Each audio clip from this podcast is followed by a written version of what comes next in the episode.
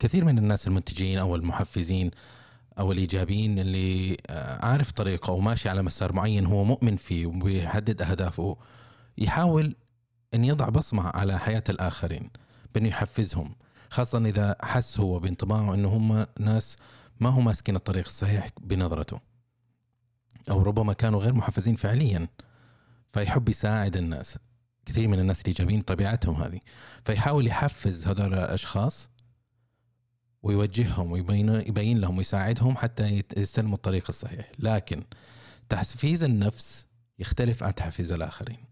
تحفيز النفس نوعا ما يختلف من ناحية إنه إحنا نعرف إيش أهدافنا نعرف إمكانياتنا نعرف طموحنا نعرف رغباتنا. تحفيز الآخرين يختلف عن ذلك. في بودكاست اليوم حنتكلم عن أربع نقاط مهمة حول تحفيز الآخرين. نتمنى حلقة اليوم تنال رضاكم. زادت المعرفة. قلت الحاجة للكلام. أهلا وسهلا بكم في حلقة جديدة من بودكاست جنبيات. البودكاست المتخصص في المواضيع الإدارية المختلفة من مدونة جنبي دوت ام إي.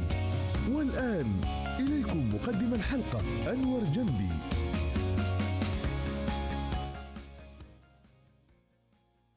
أهلا وسهلا بكم في حلقة جديدة من بودكاست جنبيات.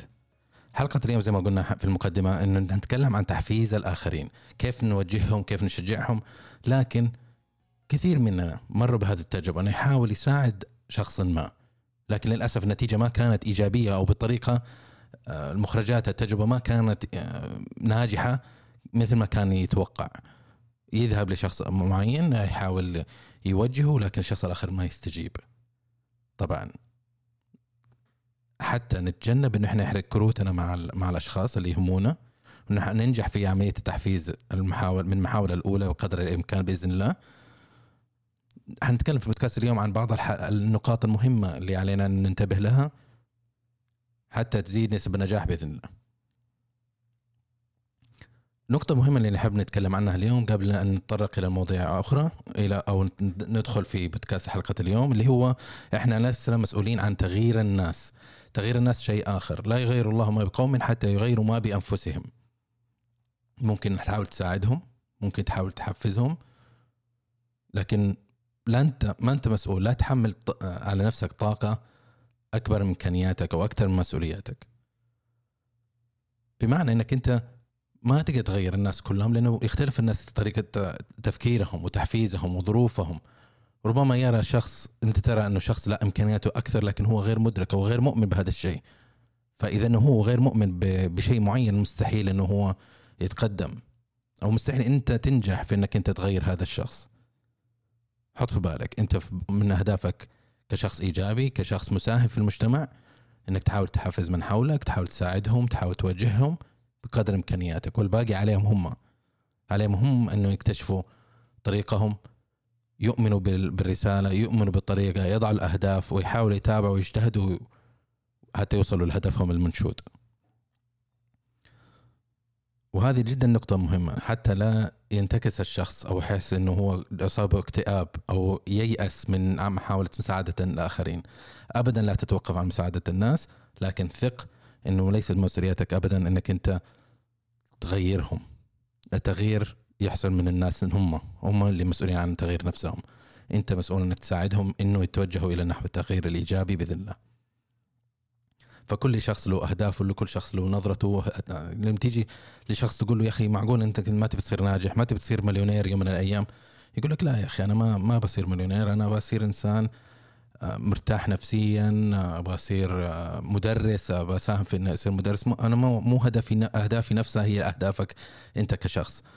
فيختلف ما دام إن اختلف آه، تختلف الأهداف تختلف الأمور اللي تحفز والامور اللي تحفز الشخص تختلف من شخص لاخر تبعا للأهداف أو الميول أو الإمكانيات أو عقليته حتى أو ثقافته المجتمعية أو الثقافه الأكاديمية.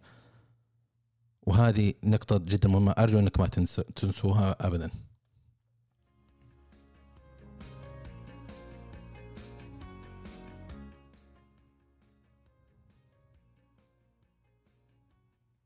النقطة الأولى اللي نحب نذكرها في سلسلة الأربع نقاط اللي ذكرناها. أربع نقاط تساعدنا في تحفيز الآخرين. الناس يدعموا ما يشاركون فيه. ماذا يعني ذلك؟ عادة إذا ذهبت إلى مجموعة من الناس أو إلى شخص معين وقلت له والله يلا آه، أنت حالك آه، مو مو مضبوط أو حالتك تحتاج إلى تغيير هيا ابدأ في قراءة كتاب هذا الكتاب وانجز هذا الشيء واخرج قدم على وظيفة وتعطي له سلسلة من الأوامر حتى أنك تغير حياته أو تحفزه إلى أنه يتجه للطريق الصحيح أو تضعه إلى على المسار. الناس طبيعتهم إيش؟ إذا هو ما شارك في الشيء ما يحس بأنه هو يملك هذا الشيء. ما عنده اونر حول هذا الموضوع. اذا حيفقد إلى الالتزام بأنه يلتزم في عمل هذا هذا النشاط اللي أنت بتحاول توصل له. كيف تنتبه لهذه النقطة؟ إنك أنت تحاول تجعل الشخص يشارك في عمل في عمل خطة في رسم الخطة التغييرية. تجعله يشارك فيها. إذا هو شارك برأيه شارك في التركيب شارك في وضع تواريخ آه، انتهاء أو تاريخ إنجاز المايلستونز أو الأهداف قصيرة المدى بهذه الطريقة هو صار جزء من من الحل وليس جزء من المشكلة. دائما إدعم الناس لا تديرهم بمعنى الإدارة.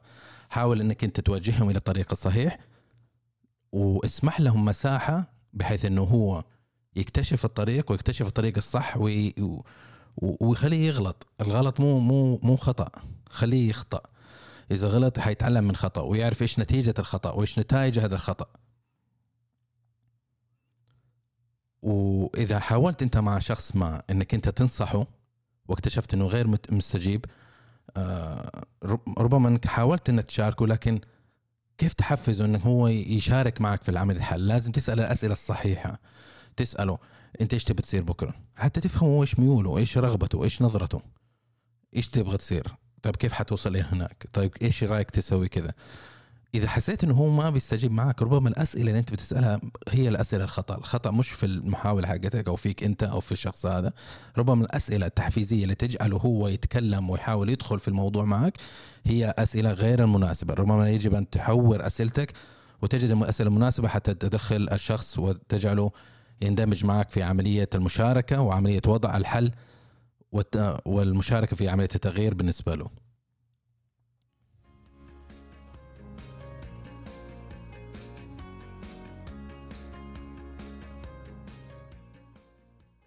النقطة الثانية اللي نحب نتكلم فيها اللي تساعدنا في عملية تشجيع الناس على التحفيز المهارة توفير المهارة توفير الأدوات لهذا الشخص اللي نحاول نحفزه. كثير من الناس نحاول تنصحه لكن السبب الوحيد أو السبب الرئيسي اللي هو متقاعس أو قاعد في في حالة غير غير غير متقدمة انه هو يجهل كيف الأدوات. تلاقي الآدمي يبغى يصير يبي يثبت نفسه يبي يصير مميز يبي يتعلم لغة يبي ياخذ وظيفة لكن ما يعرف ما عنده المهارة كيف يخطط ما عنده المهارة كيف يتكلم ما عنده المهارة كيف ينجز كيف يرسم الخطة. أحسن شيء إنك أنت تسويه دائما وابدا إنك أنت تعطي الإنسان الأداة أفضل من إنك تعطيه الحل. لأن تعطي الشخص الحل ما حيتقدم ولا مليمتر واحد إذا هو ما عنده الأداة اللي توصله لهذا الحل. أو تبلغه أو تعينه. بذلك ينتكس زيادة زياده في حالته اللي هو موجود فيها. وضع في بالك دائما. أنت لما تيجي تتكلم مع شخص معين وتحاول تحفزه لا تكون بنبرة إنك تحكم عليه. يجي كثيرين يعني خاصة أولياء الأمور. يجي لشخص يقول لابنه أو أو لأخوه أو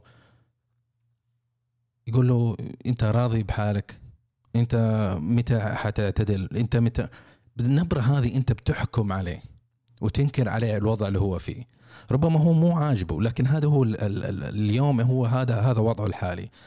طبيعة الناس إذا كنت تحكمه تحكم عليه بطريقة سلبية حياخذ الشخص وضعية الدفاع ويمتنع إنه يسمع منك أي شيء أو يستجيب منك بأي حاجة. وطبعا ما حيكون في أي التزام بالحوار اللي أنت تتكلم معه. أو الحلول. ممكن يسوقها عليك يقول لك والله طيب إن شاء الله أسوي وأعمل وكذا ولكن في النهاية بعد أسبوع بعد أسبوعين بعد شهر تلاقيه انه رجع كما كان. تيتي تيتي زي ما رحتي زي ما جيتي. وهذا جدا مهم. لما تيجي تنصح لا تحكم على الناس. حاول إنك أنت تفهم وضعه حاول إنك أنت تفهم إيش حاجته لكن لا تحكم على الناس حتى لا تجد مقاومة لمحاولتك لمساعدته.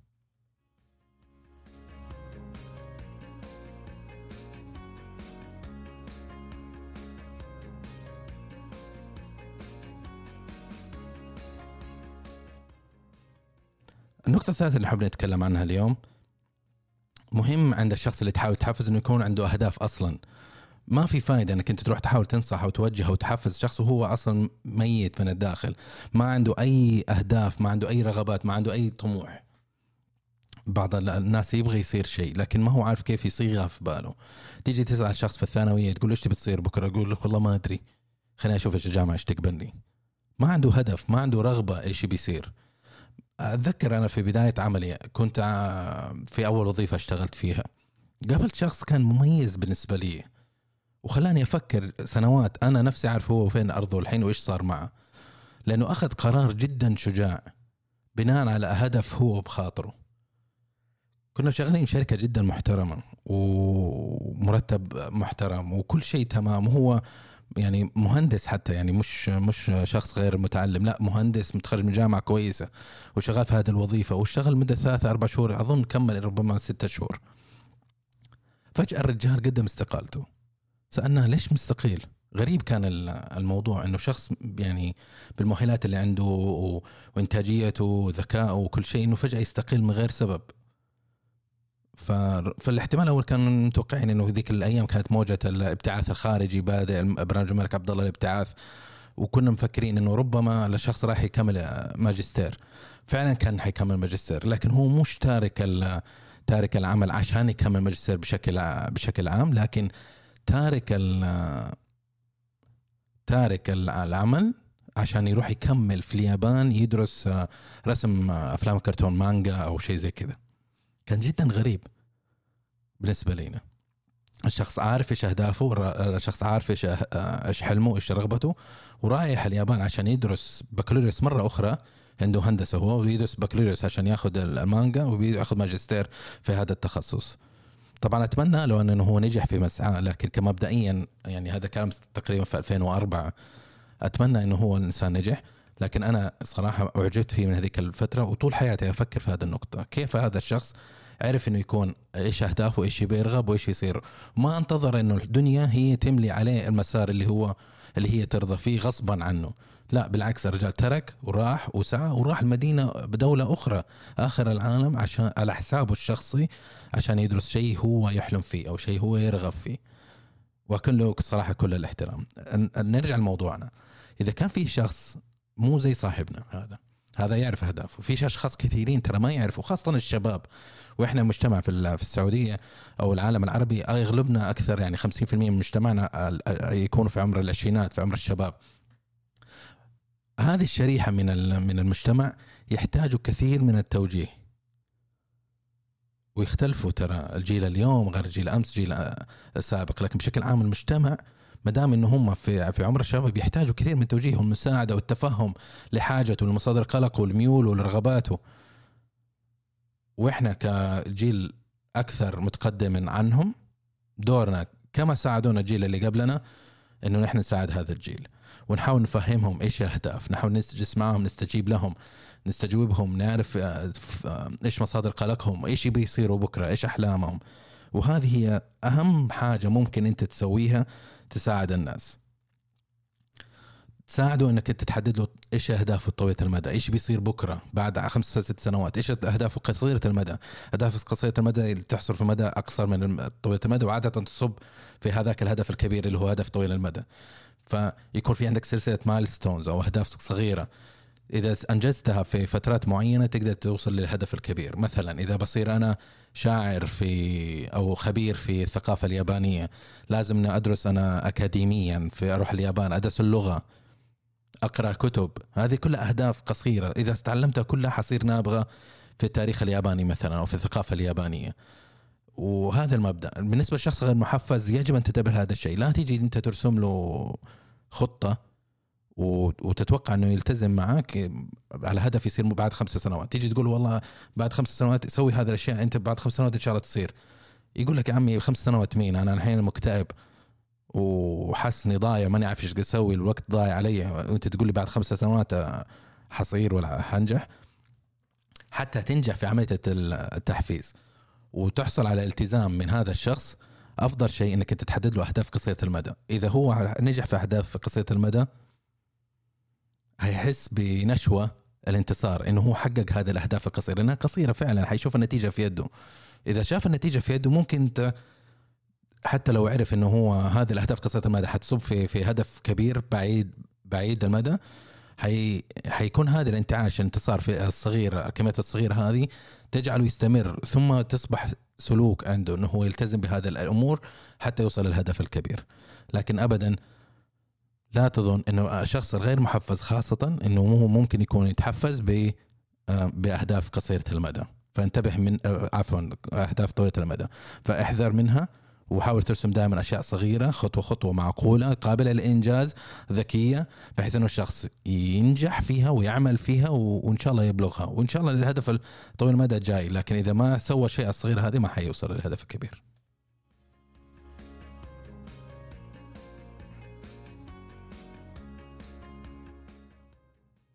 النقطة الرابعة اللي إحنا بنتكلم عنها اليوم اللي هي كن قدوة. كيف كن قدوة؟ يعني هل أنا أنجز الأعمال أمام الآخرين حتى يتعلموا مني ويتحفزوا؟ ممكن لكن مش هذا هدفنا مش هذا ما اللي نقصده اليوم. كن قدوة بمعنى أنت كشخص خبير في مجالك أو عارف شيء أو آه لك سنوات أكثر في العمل أو في الدنيا فأنت تعرف أكثر من هذا الشخص اللي تحاول تحفزه نوعا ما أو في مجال ما فإيش اللي حتسوي إنك أنت تقص عليه. قول قصتك. كيف نجحت؟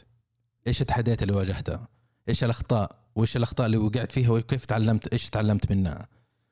كيف بلغت نجاحك؟ الناس عادة وهذا شيء عجيب.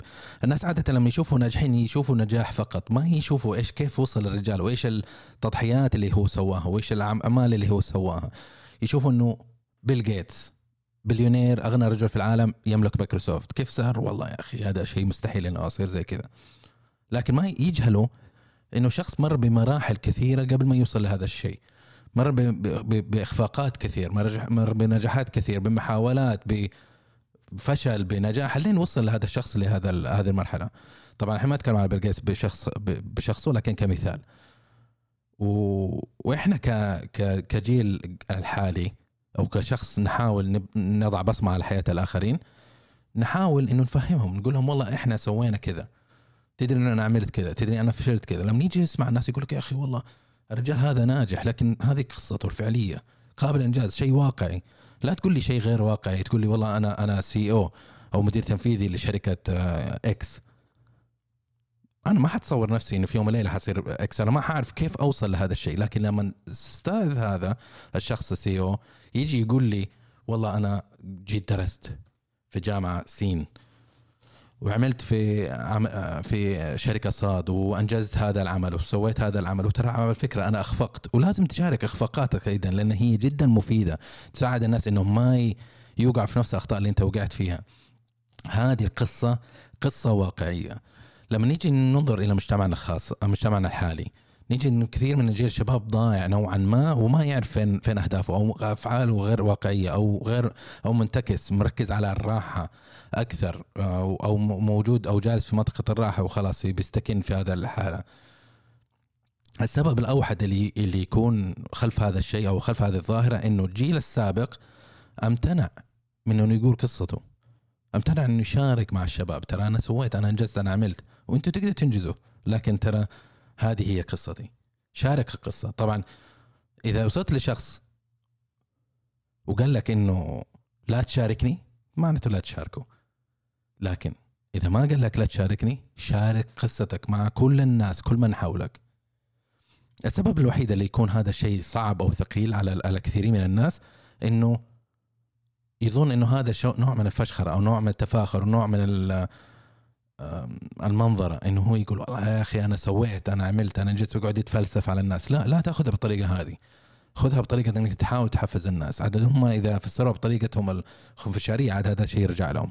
لكن أنت لا تمتنع عن مشاركة قصتك ابدا ابدا.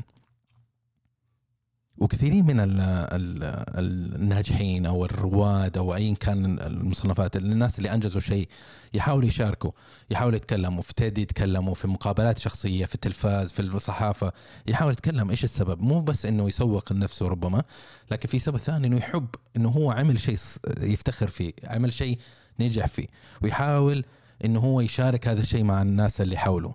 وكيف يشارك؟ يقول قصته. وكذا يحفز الآخرين. هذه أكثر أداة ممكن إنك تسويها تأثر على الناس لأنها واقعية. الناس يقدروا يحسوا فيها الناس يلتمسوها الناس يعرفوا إيش إيش إيش السبيل اللي أنت اتبعته حتى وصلت إلى هدفك الأخير أو الوضع الحالي من النجاح. لا تمتنع تقول قصتك.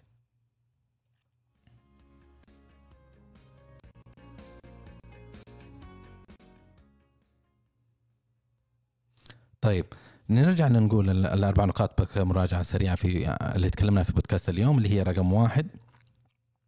الناس يدعموا اللي يشاركوا فيه. حاول إنك تجعلهم يتشاركوا معك في وضع الخطة لا تملي عليهم لا تحكم على الناس. بعض الناس يكونوا محفزين وحابين يتقدموا في حياتهم لكن للأسف ما عندهم المهارة فحاول توفر لهم المهارة حاول تدربهم حاول تساعدهم تاخذ بيدهم. بعض الناس ما عندهم أهداف محددة فحاول تعينهم.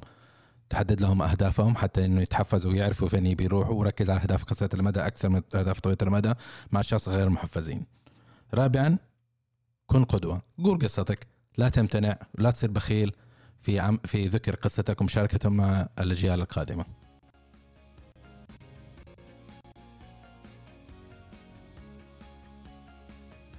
كنتم مع حلقة أخرى من بودكاست جنبيات ندعوكم لزيارة المدونة على جنبي دوت إم إي ومتابعتنا على قنوات ال social media. دمتم بود وفي أمان الله. شكرا لمشاركتكم واستماعكم لبودكاست حلقة اليوم. أسعدتونا أكثر مما تتخيلوا وأنا جدا سعيد بكل المستمعين والمستمعات اللي يجي ينزل البودكاست من الموقع ويشارك ويرسل لي إرساليات بعض الأحيان تكون على تويتر بعض الأحيان تكون على على المدونة نفسها. والإيميلات اللي تجيني تسأل تستشير في المواضيع وهذا جدا شيء يسعدني.